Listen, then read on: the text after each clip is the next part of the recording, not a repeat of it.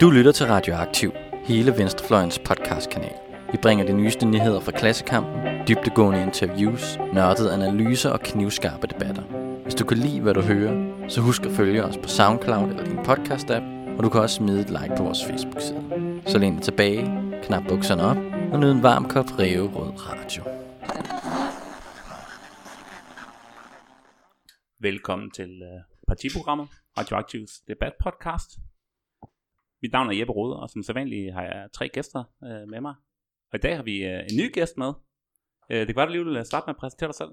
Det kan du tro, jeg vil. Jeg hedder Maj Villassen, og jeg kommer fra Enhedslisten, og jeg er spidskandidat i Nordsjælland til Folketingsvalget. Fedt. Velkommen til. Tak for det. Jeg er meget glad for, at jeg måtte være med. Og så har vi uh, to af uh, de sædvanlige. Ja, og jeg hedder Karl Valentin, og jeg er folketingskandidat for SF her i København. Og jeg hedder Rolf Bjerre, og jeg er folketingskandidat for Alternativet, øh, også her i København. Velkommen, og jeg glæder mig til, uh, til vores snak i dag. Det hedder det. Jeg kunne godt tænke mig at starte med at høre uh, om en... Uh, om en sjov, eller en vild, eller en uh, nederen aktion, eller hvad hedder det, aktion, en politisk aktion, jeg havde med til at, jeg havde med til at lave. Uh, det kan være, du vil prøve med at starte med at fortælle om en, uh, om en aktion mig. Det kan jeg godt. Altså, jeg tænker jo lidt over, åh, hvad skal man vælge? Noget, hvor man har været vildt sej, eller et eller andet, øh, når man sådan skal være i radioen og fortælle om en aktion. Men jeg, jeg vil fortælle om en, hvor jeg faktisk aktionerede mod indholdslisten, fordi det synes jeg var lidt, lidt sjovt, lidt alternativt, om man vil. Øhm, fordi jeg var med i elever studenterbevægelsen. Jeg var formand for gymnasieeleverne engang. Øhm, ja, og det er jo ikke engang så længe siden. Det var faktisk, mens Helle Thorning var statsminister, og så røg betalingsringen jo ligesom. Øh, og så skulle man bruge pengene på noget andet, offentlig transport, og vi synes jo selvfølgelig, at man skulle bruge alle pengene på unge mennesker og studerende, der skulle køre billigt med offentlig transport. Øh, men det synes enhedslisten fandme ikke. Det skulle, pengene skulle gå til alle, alle mulige andre. Alle mulige, der ikke havde penge, eller hjemløse, eller hvad ved jeg. Og det var sikkert meget sympatisk. Men min rolle var jo ligesom at sige, ej, sikkert noget pis. Så vi legede, øhm, efter jeg har snakket i telefon med Henning Hyllested, som er folketingsmedlem for Enhedslisten, som rigtig havnearbejder, som banner rigtig meget, har man talt meget i telefon med om, åh, kunne vi ikke bare, øh, kunne vi ikke nok øh, bruge pengene på nogle studerende? Det synes han fandme ikke, og vi var sgu forkælet nok i forvejen, på en sød måde. Så det vi gjorde var, at vi lejede et, øh, sådan et øh, tog, altså sådan et øh, ja, Tivoli-tog, som vi satte ned på øh, foran Christiansborg, og så havde folk sådan enhedslisten masker på med alle mulige ansigter for folk fra enhedslisten, og så, så var temaet hop med på vognen enhedslisten, for de var ligesom de eneste, der manglede. Og ganske rigtigt, de, de øh, bukkede under for presset fra bevægelsen, så, øh, så kom der det, der hedder Hypercard eller sådan noget. Nej, det, nu hedder det ungdomskort, tror jeg. Mm. Før hed det Hypercard, studiekort. Så billig transport til de studerende. Og undskyld til alle de hjemløse og socialt udsatte, som det sikkert gik ud over, men det var en meget sjov aktion. Okay, det var ja. ret sejt alligevel. Ja, det var, det var meget sjovt. Jeg var selv faktisk medlem af enhedslisten på det tidspunkt. Så, mm. Men da jeg så senere blev meget aktiv i enhedslisten, så tror jeg, at Henning Hyllested synes jeg var lidt en værre en, der skulle komme der og fylde en hel masse. Mm. Ja. Hvad med dig, Karl? Jamen, jeg har fandme været med til mange mærkelige øh, aktioner og sådan noget gennem tiden. Det er svært at vælge. Øhm, men jeg kan huske en gang, øh, det har været i, i Folketingsvalgkampen 2011, hvor vi havde en idé om, at vi skulle sætte en masse øh, banner op på statuer i Odense, hvor, øh, hvor jeg boede dengang.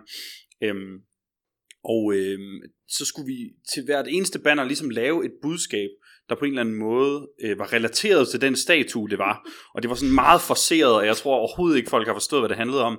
Øhm, men øh, vi skulle så ud på alle statuer i Odense, så vi skulle selvfølgelig også ud på den, der hedder Havhesten, øhm, som er sådan en statue ude i noget vand i Munke Mose i, i Odense. Øhm, og øh, det skulle vi så gøre klokken halv seks om morgenen, så der var vi nogle folk, der svømmede ud i det der sådan gule vand i Munke Mose, og meget øh, ikke særlig gennemtænkt forsøgte at tape et banner fast på en, en statue, som sprøjter med vand. Øh, og øh, altså det sad fast, jeg ved ikke om det på et tidspunkt er røget af og gled ned i mosen, hvad ved jeg. Øh, men udover at det var sådan rimelig latterligt øh, aktion, så, øh, så øh, besluttede DR så lige for, at de ville prioritere det midt i valgkampen til national tv. Så, så jeg kom også på national tv i underbukser, der svømmede rundt i, i Munke Mose. Øhm, og, øh, og så stod vi så derude på den der havhesten og sang øh, Røde Vildfred, fordi vi skulle gøre et eller andet for ligesom at sådan, få lidt gang i blodomløbet for det der kolde vand og sådan noget. Øhm, det, var, øh, det var meget akavet, men det var fandme også sjovt. Men kan du huske budskabet? Ja, øh, og det var nemlig, nå ja, det var, ja selvfølgelig, øhm, jamen det var nemlig også meget underligt, øhm, men det er fordi, den her hest, den havde ligesom øh, fødderne nede i vandet. Så derfor så var, var budskabet noget med, at regeringen har fået kolde fødder. Og jeg ved ikke, altså jeg ved ikke, hvordan den har fået kolde fødder, eller hvad det egentlig var relateret til, men, men der stod på banneret noget i stil med, regeringen har fået kolde fødder og stem SF, eller sådan noget. Det var mega, mega mærkeligt. Der skal, der skal være et godt ordspil med i en god aktion. Det, det tror jeg. Det skal der i hvert fald. Det er i hvert fald vigtigt. Hvad med dig, Rolf? Min historie, det er tilbage fra øh, 2014. Øh, jeg var ved at blive en øh, rigtig politiker dengang, og øh, jeg sad i det, der hed Piratpartiet, og var formand der på det tidspunkt. Og øh, der opstod det af en af stifterne på det, der hedder Pirate Bay. Det er den her øh, torrent site på nettet, hvor folk deler mest ulovligt materiale, men også, øh, kan man sige, ganske normale, lovlige ting i nyerne. Han var blevet øh, frikendt fra en dom i øh, Sverige om at have brugt ind i nogle datasystemer i Europol og i det danske CPR-register og sådan meget centrale steder. Og øh, man kunne se, at der også blev flyttet de her data ud af de her platforme, så kan man sige, øh, katten var jo løs i laksegade, kan man sige. Ikke alle dataen var ude og alle vores CPR-numre var komplementeret, alle hemmelige agenter fra Danmark var komplementeret, og det var sådan en rimelig stort uh, rammeskrig inden for dansk sikkerhed. Øh, han blev så frikendt i Sverige, og så blev han så øh, tiltalt i Danmark for stort set den samme forbrydelse, og så kom han jo så til Danmark, hvor han blev holdt i øh, hvad man siger, en ulovlig isolationsfængsling i forhold til, det er i hvert fald noget Amnesty gik ud og sagde, og jeg gik også ud og sagde det. Og i Piratpartiet har vi jo et øh, samspil med ja, digitale hacker og krigere og white hat hackers, hvad det ellers hedder derude. Så det var vigtigt for os at gå ud og beskytte, den her person fik ordentlige vilkår. Øhm, og så tænkte vi, hvordan fanden gør vi det? Og øh, han sad nede i Køge Rest, og øh, jeg kom til, så tænkte jeg, okay, så laver vi simpelthen en aktion nede ved det her resthus. Og jeg havde lige været i Thailand og set sådan noget med sådan nogle øh, rispapirslampere, der fløj op i himlen, og tænkte, gud, det er sgu da smart. Så kan vi stå et centralt sted og sende dem op, og så kan hele Køge se det. Så er der ligesom sådan en god rækkevidde, så det synes vi lød øh, det er helt fantastisk. Men øh, jeg kunne ikke finde ud af at få nogle pirater med til Køge rigtigt. Øh, og jeg spurgte øh, Gud at være mand, om hvem vil med hernede og lave det her, og ting og sager. Det endte med, at det blev sådan en mærkelig, mærkelig flok, som bestod af fire nonner, og øh, otte fra øh, ungdomshuset, den hårde kerne fra ungdomshuset. Og så var der øh, to journalister, som var dybt farvet af det her, fordi de kendte åbenbart ham her, Godfredsen, som han også hedder, vi kendte a carte i programmørverdenen. Og øh, så tog vi derned, og så, øh, så kom politiet og mødtes på stationen, og de synes, det var ret mærkeligt med fire nonner og, og, og, og, og seks punkere, og, og, og så, så sluttede politiet sig til, og der var så fire gange så mange politimænd, som der var, som der var mødt op til den her demonstration. Så det blev næsten sådan en form for politiaktion, der kom gående. Altså man kunne ikke rigtig se demonstrationen, men politiet var der ligesom med mig i spidsen, der kom gående med en tændt rispapirslampe. Og vi går så ind til fængslet, og så begynder vi at sende, øh, sende de her rispapirslamper op. Så kommer der en anden politistyrke og siger, at det er enormt farligt at stå her, fordi her der, der hører Loyal to Familie, det er altså deres område, I står i, og de kan altså ikke lige bare gå ind og bruge det, som I har lyst, så selvom vi kan give jer sikkerhed, så skal I nok slippe på. Og vi er sådan lidt, okay, vi er jo presse, og mener, der er tre politimænd for hver person her, så må ikke vi har beskyttelse nok. Og mens vi stod og snakkede om det, så kommer der tre store Volvoer ind på pladsen, der skrider ind. Og ud af stiger Loyal til familie, og de kommer hen med et kæmpe smil og siger, nej, hvor er det fedt det her, det skal vi da være med til. Så det ender med, at det her pressefotografer får billeder af politibetjente, nonner, folk fra ungdomshuset og Loyal to Familia, der, i, der i bred forening står og sender rispapirslampper op, som ikke er anmeldt korrekt, uden for en køge af rest. Og, og for, mig, for mig var det bare en, en fuldstændig skæv historie, men samtidig var det også noget, hvor jeg oplevede det her med, at hvis du virkelig sætter forskellige mennesker sammen, så begynder det at kunne et eller andet helt andet. Og det endte med, at politibetjentene var over, fordi de gik også galt med en af rigsfyrslammerne og ved at antænde to træer og ting og sager, hvor vi så har politibetjente, der var reddet hele aktionen, og ja, deltog som det største del af det. Øh, I forbindelse med det fik jeg også lavet Danmarks største underskriftsindsamling på 100.000 underskrifter dengang. Så det var, også, øh, det var også et sted, hvor jeg sådan første gang mærkede noget af det her digitale, hvad det begynder at kunne. Det endte så med, at den gode Godfredsen blev dømt alligevel, og CSC, som ikke havde beskyttet vores data godt nok, slap fri. Og der kører stadig nogle sager på, om CSC egentlig gør de her ting ordentligt, om de skal have lov til at blive ved med at have bestillingen over at passe på vores data, fordi de har jo bevist, at det kan de ikke finde ud af. Mm. Øh, så det er en enormt vigtig sag, der stadig kører faktisk, men startede et meget mærkeligt sted med ja, nonner og løgn til familie. Du kan godt se det der. Ja, det var skørt. Der var nogen, der burde ansætte dig som mangfoldighedskonsulent eller et eller andet et sted. Ja, jeg prøvede så senere den her rigsbeherslampe på folkemødet, hvor, at, øh, hvor at Alternativet ved at, første gang ved at smide mig ud af partiet, fordi at, ja, de begyndte at lave ulovlig praksis øh, på min anbefaling. Men det er en anden historie. Fedt. Jamen, øh, selvom I alle tre øh, øh, bruger al, rigtig meget af tid på at komme ind i øh, Folketinget nu, så ved vi jo også godt øh, alle fire, at, øh, at rigtig meget forandring, det foregår også ude, øh, ude, i, øh, ude i samfundet med at ændre holdninger og sådan noget. Så fedt at høre, I, øh, det I alle sammen er meget aktive på den front. Ja.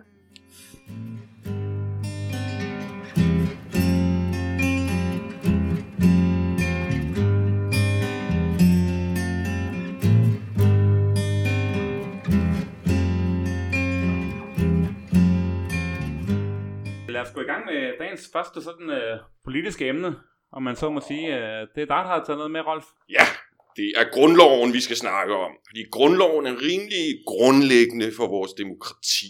Faktisk er det jo nok det mest grundlæggende, hvis man skal tage fat i noget som helst. Så grundloven, den er pissevigtig. Og jeg synes, vi skal være rigtig glade for, at vi har en grundlov.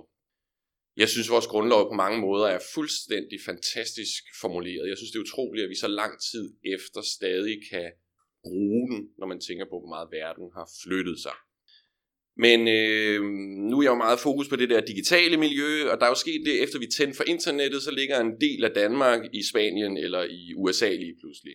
Øh, når øh, vi øh, har dansk data liggende på en server i USA, så er det svært for os at have et suveræn kontrol og ejerskab over den platform, fordi den er ude af vores hånd, den er ude af vores kontrol, øh, den er måske styret af private firmaer eller stater, og det vil sige, at staten Danmark begynder at indgå i en masse andre rum end det nationale rum, som grundloven jo dækker. Så derfor skal vi simpelthen have en minimum en tilføjelse til grundloven, som inkluderer det her nye, hvad kan man sige, mange vil jo kalde det et metafysisk univers, men det er jo reelt server med vores data på. Det er jo reelt server med vores privatliv, som øh, gerne skulle beskyttes af den danske stat, men ikke bliver beskyttet ikke kan beskyttes af den danske stat, når den ligger uden for den danske stats beføjelse. Men, men hvordan vil du, altså, vil du sige, at, man skulle, at det danske politi skulle tage til Spanien og, og overvåge de der server, eller? Øh, hvis vi går helt ned i detaljen, så kan vi faktisk godt have et effektivt samfund, uden at vi deler alting. Og vi kan faktisk også godt have et effektivt samfund, uden at vi går på kant med vores rettigheder. Så det gode spørgsmål er jo, hvordan? Og det er jo det, politikere tit er dårlige til at svare på. Men som fagpolitiker er jeg glad for, at du stiller det spørgsmål. øh, det vi skal, det er, at vi kan faktisk... Øh, det, der er en kæmpe udfordring i dag, det er, at vi snakker om, hvordan man kan anonymisere og synonymisere data, efter de er sendt. Det er en falsk samtale, fordi i det øjeblik, tingene er sendt, kan man finde dem fra det sted, de er sendt. Så en pseudonymisering og en anonymisering efter afsendelse af data er ikke muligt teknologisk set. Det er et falsum, som vi bliver fortalt om, fordi folk vil tælle os sikkerhed, og fordi staten har lyst til, at vi skal føle os trygge. Teknisk er det, du sender ude af sækken for altid, kan aldrig blive slettet, bliver aldrig glemt, kan altid findes. Så derfor, så det vi skal, det er, at vi skal snakke om, hvad vi sender, og specielt, hvordan vi sender det. Og det er faktisk muligt, at vi kan have et samfund, hvor vi ikke bliver profileret altså at vi ikke bliver identificeret i vores færden, men vi bliver anerkendt til normative formål i staten. Og først når der er en dommerkendelse, en normativ dommerkendelse, vil de her personfølsomme data kunne tilgås, simpelthen blive tilsendt til dommeren, tilsendt til politimyndigheden. Så vi kan lave systemer, hvor at data, der komplementerer privatlivet eller statens interesser, som jo også er i fare her. Det er jo ikke kun individet, vi skal beskytte, vi skal også beskytte staten. Fordi staten står også for fald. Øh, vi så under COP15 i København, at øh, USA øh, brugte øh, hemmeligstemplet materiale fra dansk politisk rum til, at vi ikke kunne få gennemført den klimaforandring, vi havde sat os i mål under COP15. Og det ligger der dokumentation på er rigtigt. Så jeg taler ikke engang om noget, som jeg er bange for, der sker. Jeg taler om noget, som bevisligt er sket. Altså USA lavede ulovlig overvågning, eller? Det er ikke engang ulovligt, fordi vi har en udleveringsaftale i vores samarbejde, det der hedder de ni øjne. Så det var ikke engang ulovligt, det de gjorde, ud fra deres optik. Vi synes, det var ulovligt ud fra et demokratisk princip, men hvis man går ind og ser på PET's regler, FE's regler, var det ikke ulovligt, det USA lavede. Men hvad er det så, du gerne vil ændre i grundloven? Øh, det jeg gerne vil ændre i grundloven, det er, at jeg vil gerne have en tilføjelse, en paragraf 0. Og den paragraf 0 skal, man skal se grundloven ikke som, en, øh, som et fuldt system. Og hvis vi indfører et tillæg, som hedder en paragraf 0, som øh, mere eller mindre siger, at det digitale rum skal anses for ligeligt med det fysiske rum, og de samme regler skal være gældende i det danske digitale rum, som i det digitale fysiske rum. Lige så snart vi har en spejling af de to ting, så vil alle de andre paragrafer ikke kunne bøjes i det digitale rum. Mm. Det man ekstra kan putte på en paragraf 0, det er, hvordan den begynder at bare bearbejde eller tolke på de andre paragrafer. Så man kan lave en paragraf 0, som fungerer som en godartet virus for demokratiets skyld. Og fordi det kun er en tilføjelse, vi ligger på grundloven, og ikke en total forandring af grundloven, er det også nemmere realiserbart i politisk rum. Mm. Så en tilføjelse til grundloven, som anerkender digitale miljø som et fysisk, virkeligt miljø, som Danmark også skal beskytte, hvis det er Danmarks rum. Jeg synes faktisk, det er rigtig klogt, det du siger meget af det. Jeg ved ikke, om vi skal have en paragraf 0, men jeg tænker, vi lever jo virkelig i en tidsalder, hvor overvågningskapitalismen er blevet... Altså, der er jo folk, der ejer data om os alle sammen, og ved mere om os, end vi nærmest selv gør. Og det sætter os jo i nogle nye udfordringer et eller andet sted. Så jeg tror også, det er noget, vi på en eller anden måde bliver nødt til at behandle. Øhm, jeg tænker faktisk også i grundloven, at overvågning, det er borgere, det skal ikke...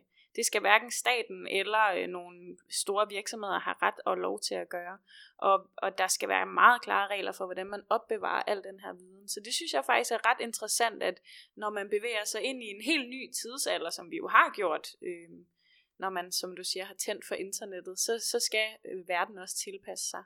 Men jeg synes også, der er mange andre ting, som er enormt uaktuelle i vores grundlov. Altså, jeg ved ikke, om I er enige, men jeg synes, at kongehuset er en meget forældet tradition, som man godt kunne gøre noget ved. Valgretsalder er en anden ting, som øh, jo også bliver defineret i grundloven, og der synes jeg da helt sikkert, at man skulle sætte den ned. Øhm, men, no, men i virkeligheden er det lidt svært, synes jeg, lige nu at være progressiv på grundlovens vegne, fordi der er så meget, der bliver anfægtet i den hele tiden, synes jeg, fra Christiansborg. Der er så mange altså lige pludselig retten til at gå klædt, som man vil, og egen krop og egen øh, information og sådan noget. Hvor, hvor er de rettigheder henne? Det bekymrer mig Men der er det jo rigtig godt, at vi har en grundlov, fordi det er, jo, det er jo ret svært at få den lavet om, øh, også for højrefløjen. Mm. Ja. Mm. Ja, ja det, er, det er helt utroligt dejligt, at vi har en grundlov, og øh, mange politikere på Christiansborg opfører sig nærmest for tiden som om, at den er mere et benspænd, end at den er, øh, hvad kan man sige, et, et fundament for det øh, frie samfund, vi trods alt lever i. Øhm, og øh, og det, øh, det er et stort problem, og øh, jeg vil sige, jeg synes, grundloven øh, burde blive opdateret. Der er mange ting, øh, der kunne gøres bedre i den. Man kunne godt frygte lidt, hvordan det ville komme til at se ud, hvis det var det flertal, der sidder nu, der skulle, der skulle ind og pille ved den. Øh, det kunne jeg godt være lidt bekymret for.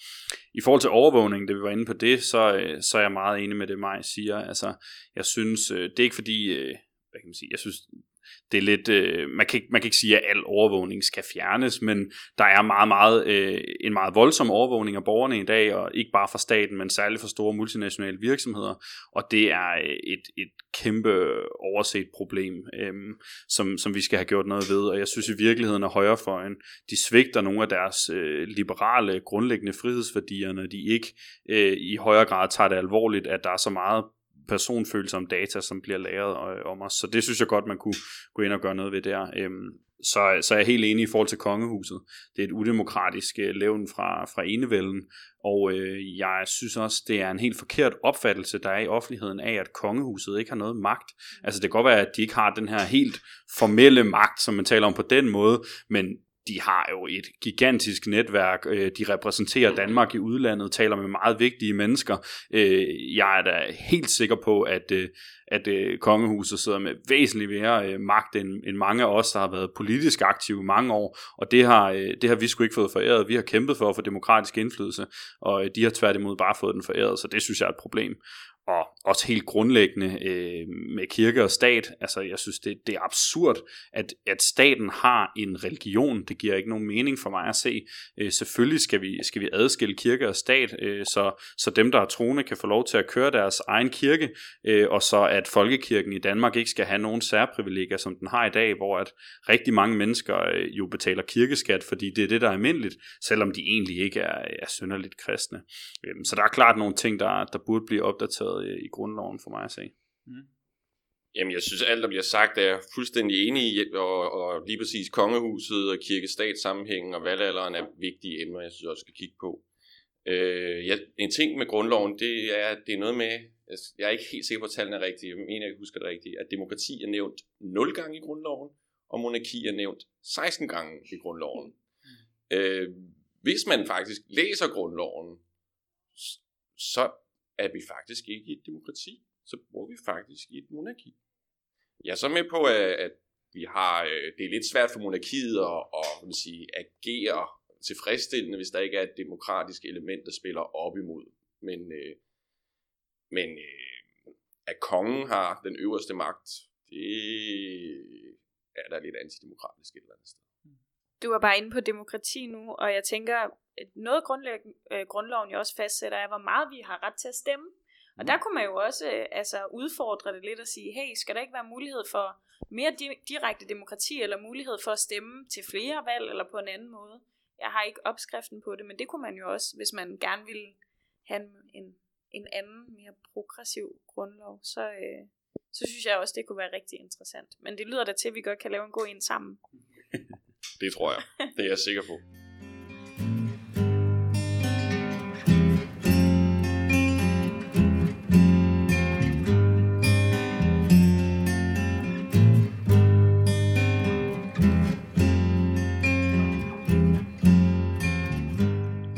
Jamen, øh, lad os prøve at gå videre til øh, dagens næste emne, og det er, som du har med mig.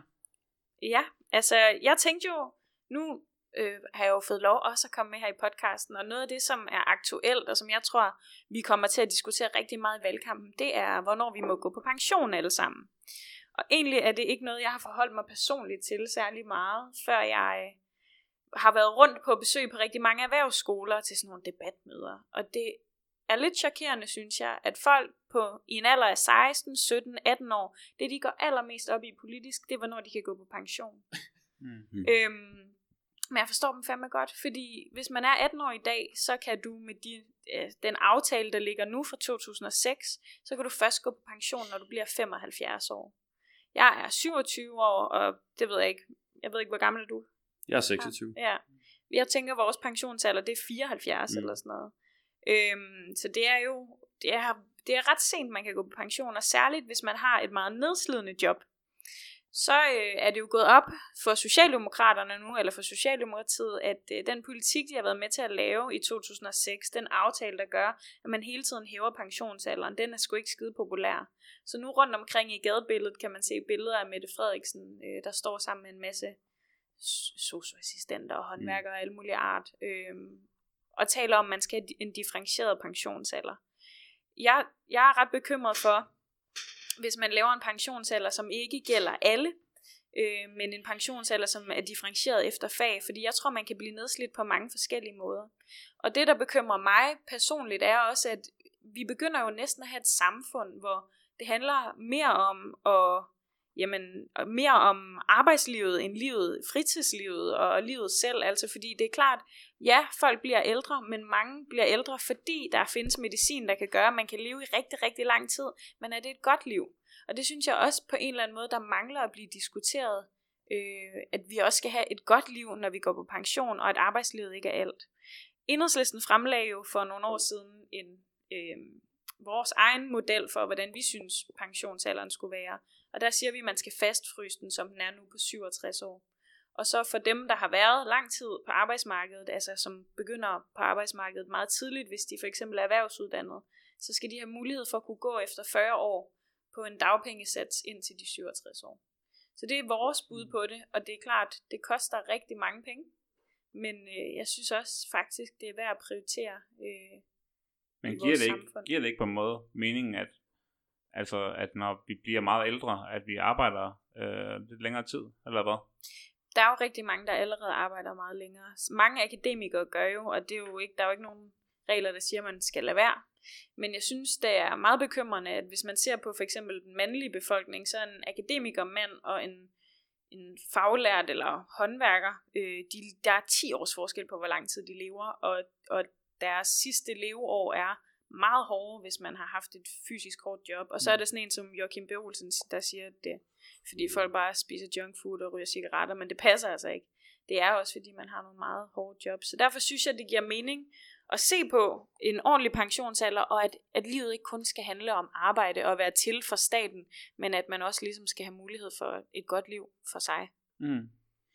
Jeg synes, det er et virkelig vigtigt øh, politisk spørgsmål, det her, og, og jeg har også oplevet, ligesom mig, når jeg har været ude forbi erhvervsuddannelser, at det, de er allermest optaget, det er manglen på lærepladser, og så er det, hvornår det kan gå på pension. Ikke? Altså noget, der er meget, meget nært nu, og så noget, som de virkelig bekymrer sig for øh, om, i forhold til fremtiden.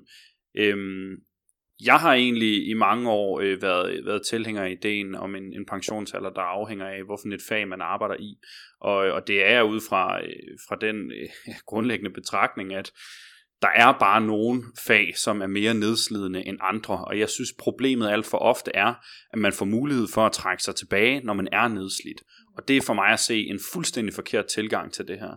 Man skal have mulighed for at trække til, sig tilbage, før man bliver nedslidt, så man har mulighed for at få en værdig alderdom. Og det er sådan set øh, det er et grundlæggende problem, at, at, der, at der er så mange, der, der først skal trække sig tilbage, når, når, de er, når de er udtjente. Og det synes jeg sådan set ikke, at vi kan være bekendt som samfund. Øh, der er nogle mennesker, der, der tager nogle meget, meget hårde fysiske job, de er i forvejen, øh, rigtig ofte i hvert fald, øh, ikke særlig godt betalt, selvom at det er rigtig øh, hårde jobs, og at man så også øh, skal knokle til, til knæene, ikke kan mere, det synes jeg er for dårligt. Øh, jeg har ikke den perfekte model, for det er jo meget komplekst, øh, det her, men, men jeg er sådan set ret åben over for, at man, man laver en, en differentieret øh, pensionsalder.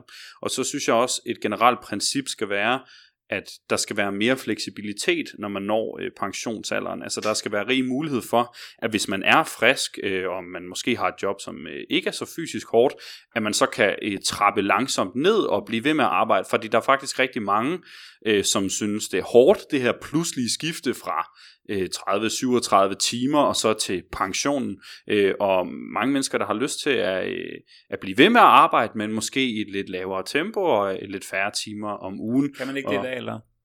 Mm, ja, det er jo...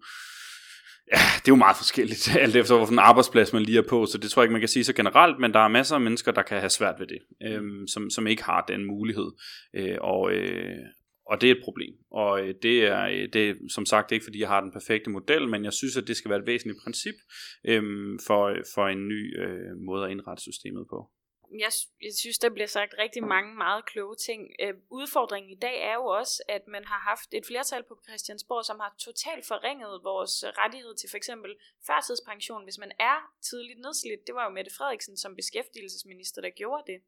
Så i dag står der rigtig mange altså med hatten i hånden og beder om, om ikke de kan få lov, fordi de er fuldstændig smadret, og så får de en eller anden sengepraktik på jeg ved, ved ikke hvad, altså nogle, ja, de dør jo nærmest på vej på førtidspension, og det er jo helt forfærdeligt. Mm. Så det skal der selvfølgelig gøres noget ved. Øhm, og så tror jeg, det er helt rigtigt, altså, at der skal være seniortid eller mulighed for, at man kan trappe langsomt ned. Det vil jo også være rigtig godt, at folk bliver længere på arbejdsmarkedet, men giver plads til, at flere kan komme ind, og at, at man på den måde trapper langsomt ned, i stedet for det, det bliver sådan et bræt skift. Mm. Jeg tror, vi skal passe på med at gøre ting op i fag, fordi arbejdsmarkedet er jo så omskifteligt i dag, og det bliver kun mere omskifteligt. Øhm, og jeg, altså, og jeg kunne bekymre, det kunne bekymre mig, hvordan vi skulle for det første registrere det, men også at, øhm, at man som ung menneske ikke godt kan se frem og se, okay, det er den øh, pensionsalder, politikerne har valgt for os. Det er ligesom sådan en universel velfærdsrettighed.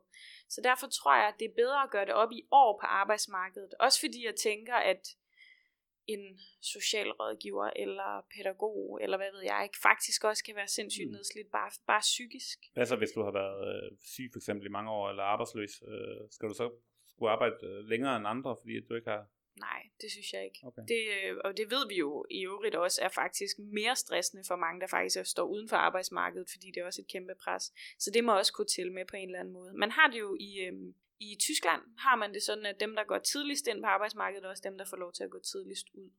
Men jeg synes, man bliver nødt til at have sådan en universel, her er pensionsalderen, eller, øh, Mm. og som jeg synes, man skal fastfryse. Men jeg synes faktisk, øh, at 3F og fagbevægelsen har været rigtig gode på det her spørgsmål. Det er dejligt, at de faktisk øh, altså, går ind i kampen for ordentlige arbejdsforhold, men også en ordent, et ordentligt, øh, hvad kan man sige, pensionsalder for folk, som de jo har gjort med, altså jeg tror, man kan tilskrive dem æren rigtig meget for, at det er det, vi diskuterer nu.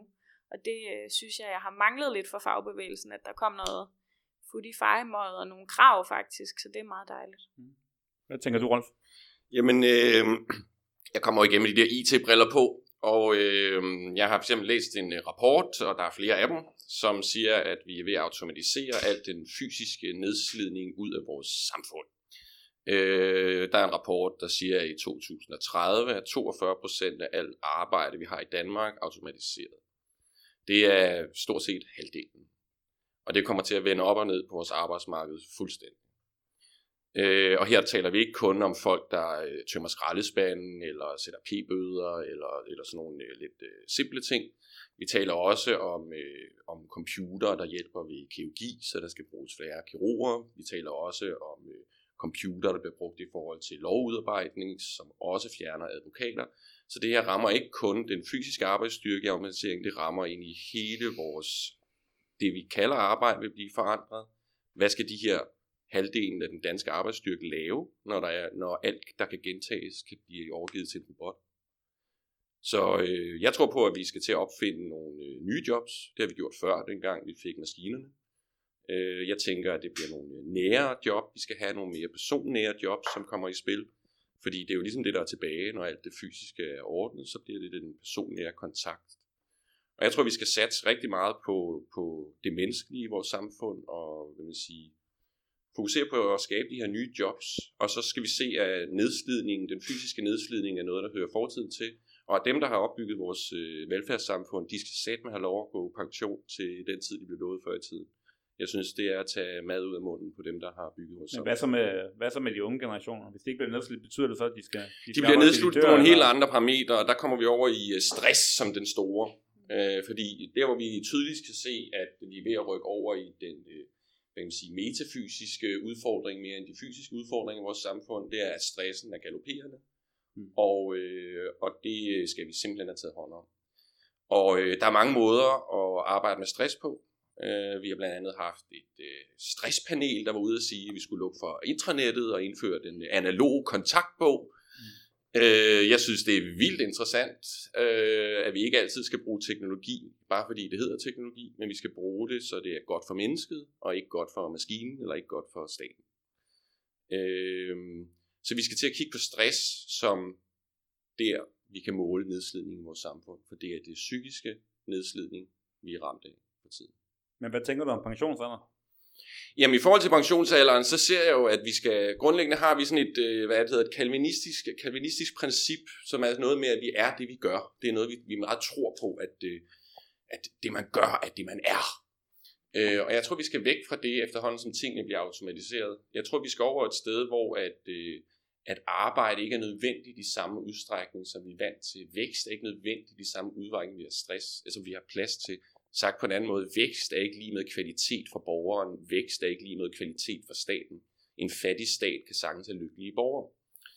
Øh, så, øh, og så mener jeg, at vi skal væk med hele den her kassetænkning. Jeg er kraftigt imod en pensionsordning, som opdeler folk i siloer, de ikke passer ind i alligevel, for mennesker er unikke individer, og vi kan sagtens finde ud af at håndtere mennesker som unikke individer. Det digitale miljø gør ikke andet.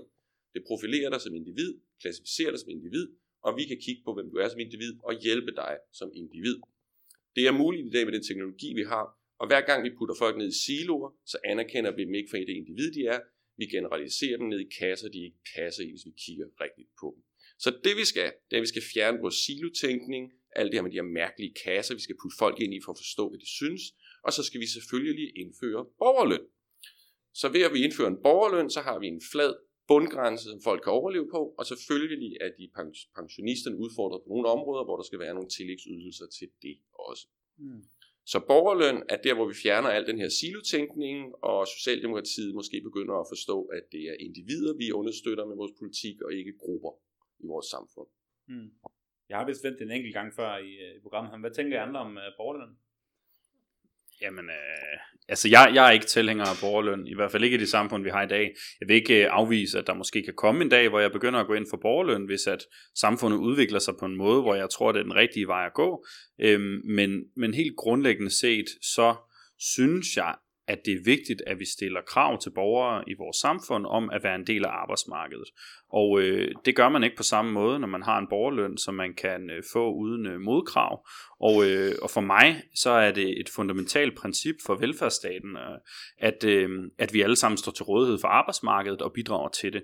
Øhm, så, så derfor så synes jeg ikke, det vil være en god idé at indføre en borgerløn. Der er mange andre forskellige, øh, mange andre forskellige grunde til det. Jeg er sådan set også nervøs for, at når der kommer den her automatisering, øh, som, som Rolf øh, så fint snakkede om, øh, så er jeg også bange for, at der vil være mange politikere, som begynder at blive mindre bekymret for stigende arbejdsløshed, hvis der er en borgerløn. Altså man vil ligesom acceptere, at når de har jo deres borgerløn, så er det helt fint.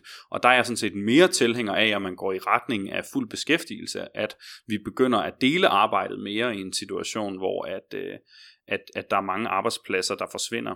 Apropos grundloven, som vi snakkede om før, så står der jo også øh, i den øh, noget i stil med, at øh, enhver borger har ret til et job, der betrykker hans tilværelse, som jeg husker formuleringen er.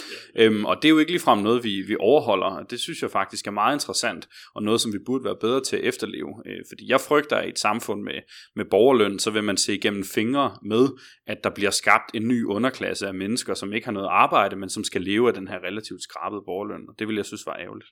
Så der står faktisk i grundloven, at man har ret til et job. Ja, det jo ikke helt tolket på den måde. Jeg vil godt kunne finde citatet, øh, men der, er, der står noget i, i den dur, øh, og det er i hvert fald øh, politikernes pligt at, at sørge for, at folk har, har et arbejde, som betrykker ens tilværelse. Ja. Men en betrykket tilværelse kunne vel også være borgerløn?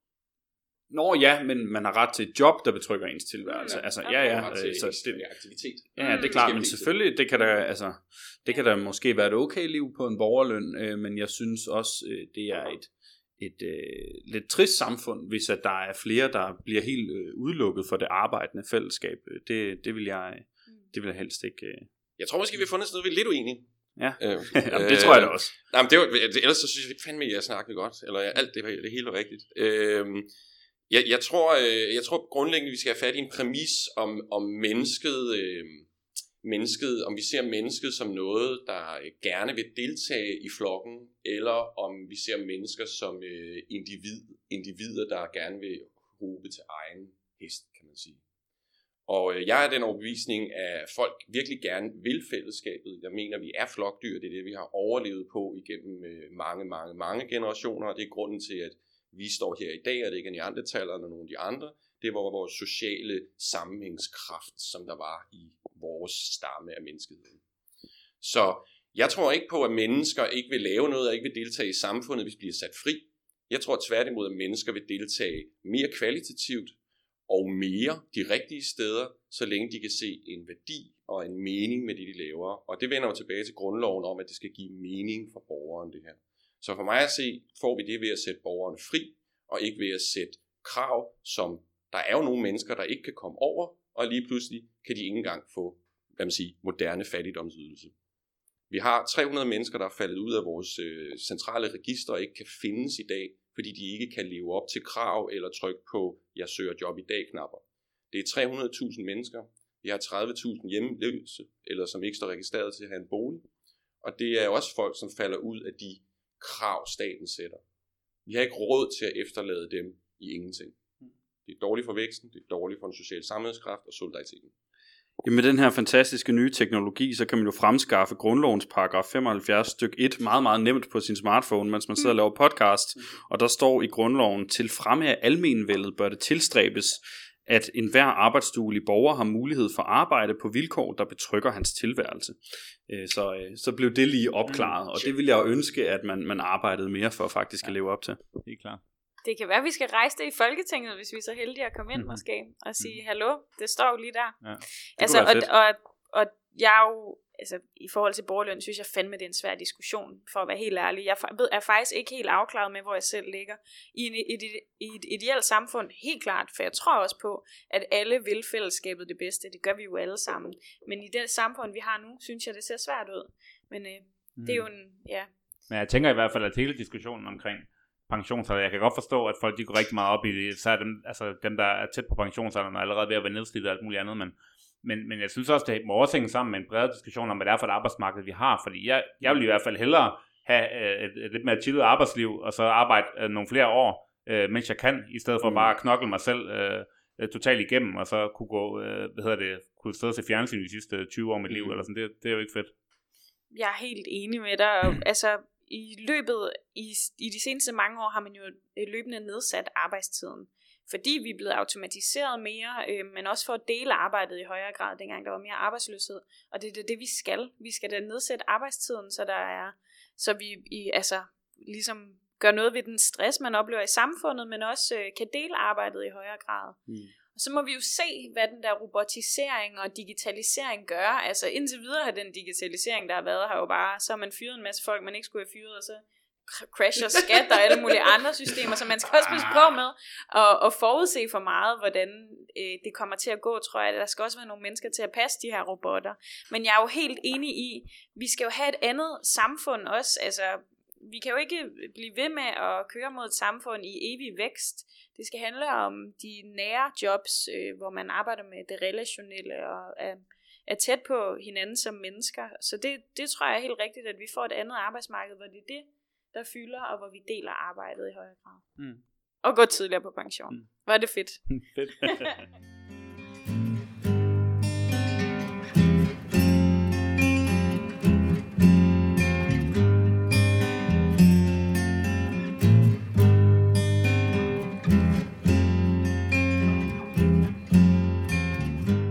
Så øh, har vi jo et sidste emne, vi også skal snakke om, Ja. som du har taget med, Karl. Ja, jamen jeg synes, vi skal snakke lidt om landbruget og hvad der skal ske med det. Og det er egentlig inspireret af, at det, det er noget, som, øh, som jeg har oplevet fylder mere og mere i den politiske dagsorden. Og i sidste uge, der havde jeg to paneldebatter her i København. Øh, først en på kvinderegensen ude på Amager med et kollegie, der handlede kun om klima, hvor vi også fik snakket noget landbrug. Og så havde jeg en på Københavns Universitet øh, et par dage efter, øhm, som udelukkende handlede om fødevarer, som Tænketanken Frej havde arrangeret. Øhm, og, øh, og det inspirerede mig lidt til at, at nørde lidt mere med landbruget, så det kunne være fedt at vente med jer. Øhm, nu er der jo også lige øh, kommet nogle nye tal på, at landbruget øh, overhovedet ikke lever op til de her såkaldte frivillige aftaler, som de ligesom har indgået. Øh, det, det er sådan en form for aftaler, hvor man siger, øh, I skal nedbringe jeres øh, udledning af kvælstof, hvis I gider. Øh, og det har de så ikke... Øh, det har de så ikke rigtig givet. Øhm, og jeg, jeg synes ikke, der er nogen tvivl om, at der er brug for en revolution af vores landbrug. Altså, landbruget fylder 60% af hele Danmarks areal, og 80% af det areal, det bliver brugt på at lave foder til dyr. Altså, det er et kæmpestort problem. Øh, vi har brug for genskovning, hvis vi skal klimakrisen til livs. Vi har brug for at reducere vores landbrugsareal, og hvis vi skal gøre det, så mener jeg også, at der er brug for øh, markant øh, lavere kødforbrug. Øhm, og, og det kan man jo også godt gøre politisk. Øh, det synes jeg ikke bare handler om, at individer skal træffe nogle valg. Øh, så, så jeg synes helt sikkert, at der skal nogle ret store øh, gennemgribende forandringer af landbruget til, hvis, øh, ja, hvis at det skal passe til den fremtid, vi går i møde. Hvordan kan man gribe det an politisk? Har du bud på det sådan?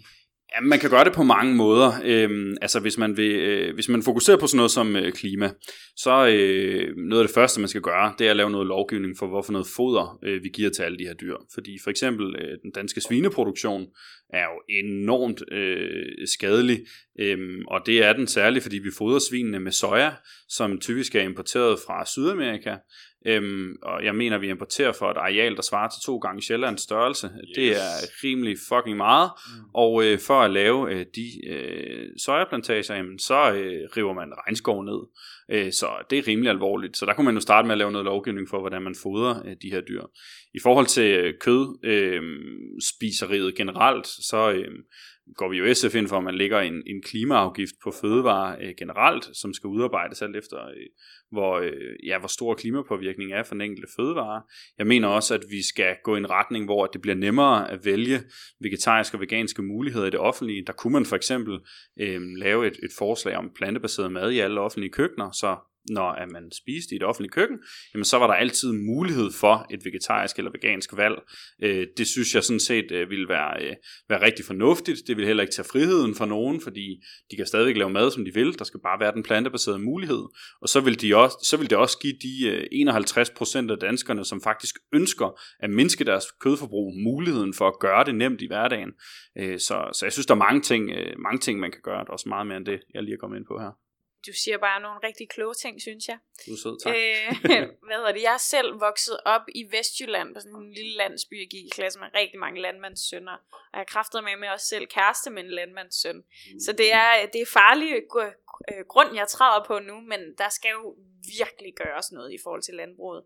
Altså, som Carlos siger, de står for 22% af udledningen af al CO2 i Danmark, og vi er det land i verden, der producerer mest øhm, kød per indbygger, mm. og det, det kan slet ikke gå, i, når vi øh, ja, har den klimakrise, vi har. Og i morgen, der er øh, onsdag den, ja, hvilken dato bliver det?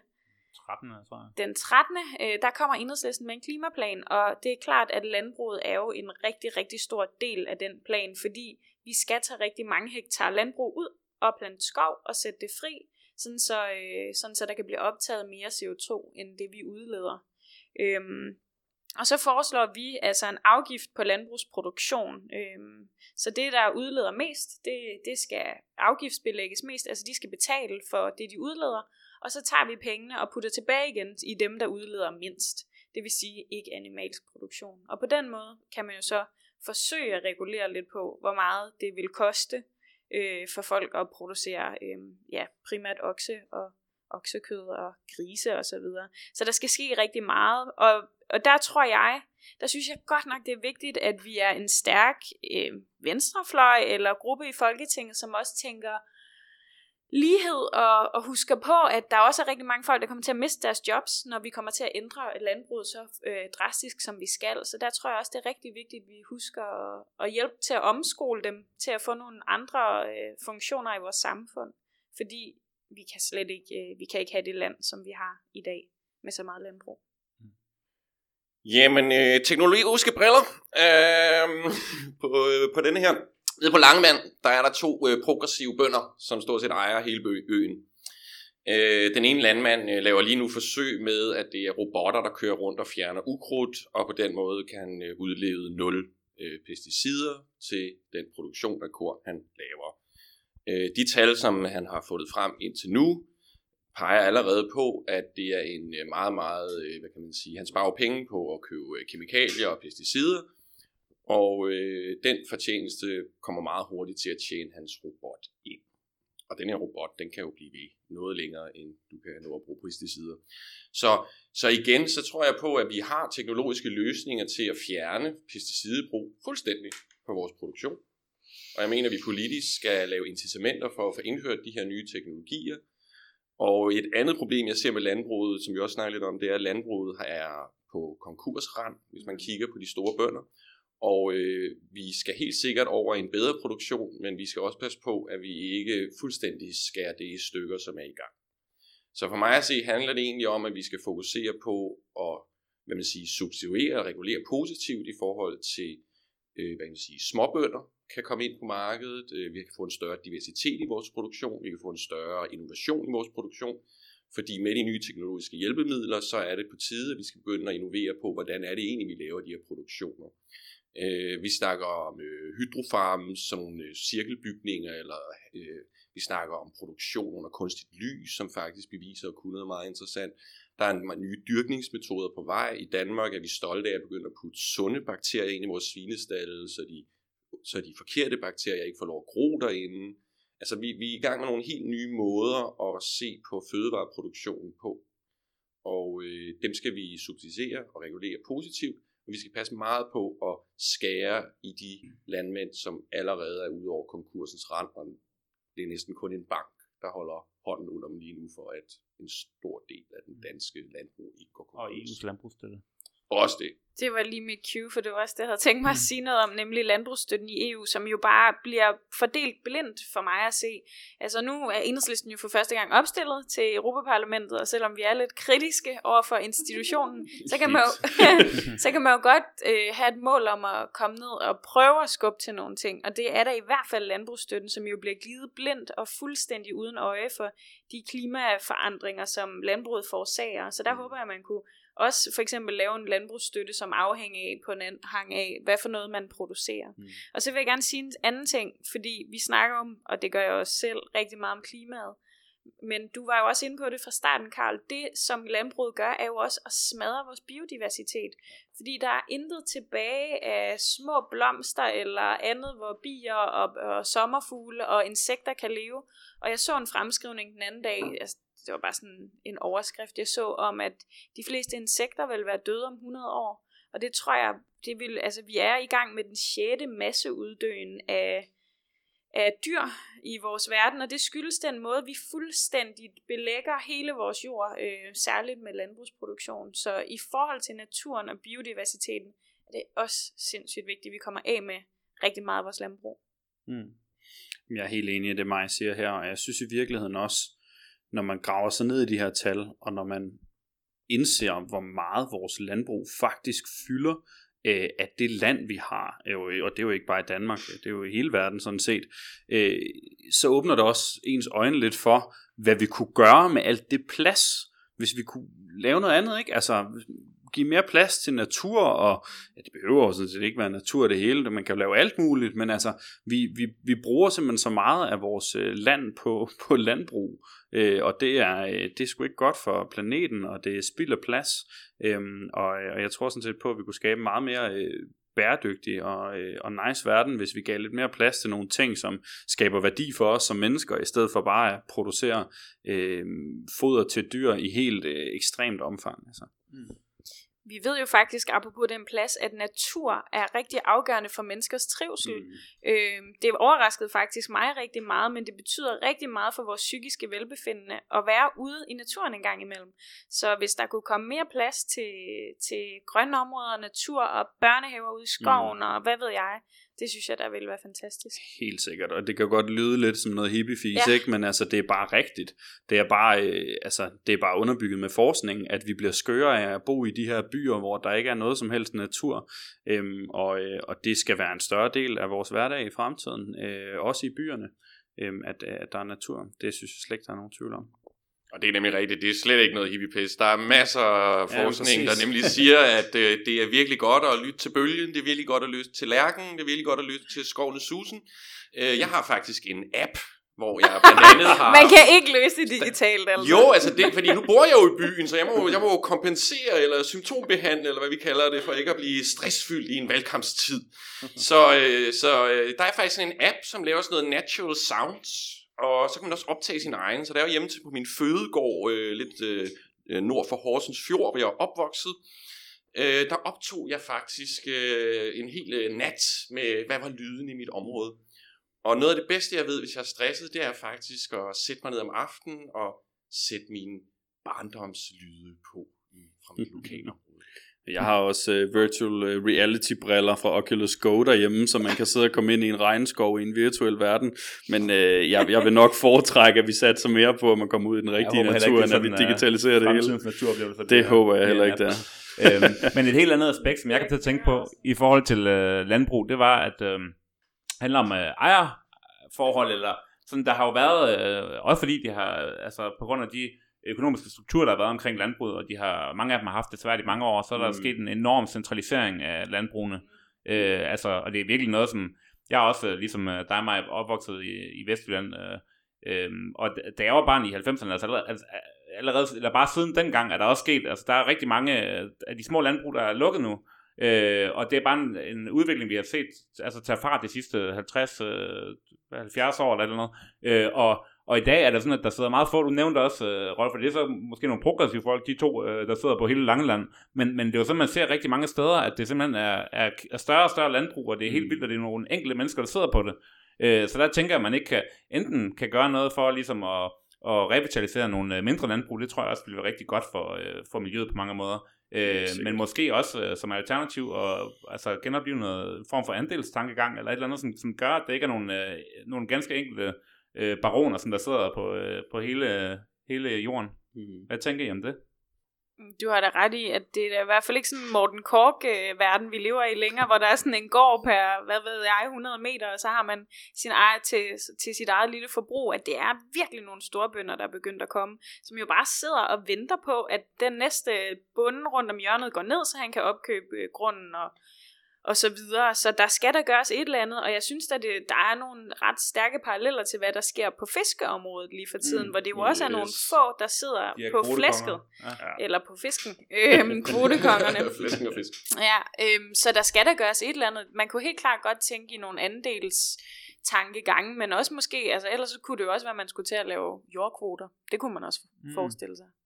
At der simpelthen var grænser for, hvor meget jord en enkelt person måtte eje. Eller? Ja, muligvis det er jo et problem i rigtig mange brancher af, markedet, øh, eller sådan at magten bliver mere og mere centraliseret i de her år, ikke? Også med multinationale virksomheder, der sidder på, på, øh, ja, på, på en rigtig stor del af markedet. Øh, så jeg synes øh, bestemt, at andelstanken er, er værd at tage med, og øh, at vi skal gøre mere for at demokratisere vores øh, arbejdspladser og få øh, nærheden tilbage, fordi jeg tror sådan set også på, at når man har en lidt mindre biks i et lokalsamfund, så har man også mere respekt for det samfund, man er en del af. Man føler et større ansvar over for øh, naturen og biodiversiteten og alle de nære øh, ting, end øh, hvis at det hele er drevet sådan meget centralt fra, eller i meget stort omfang.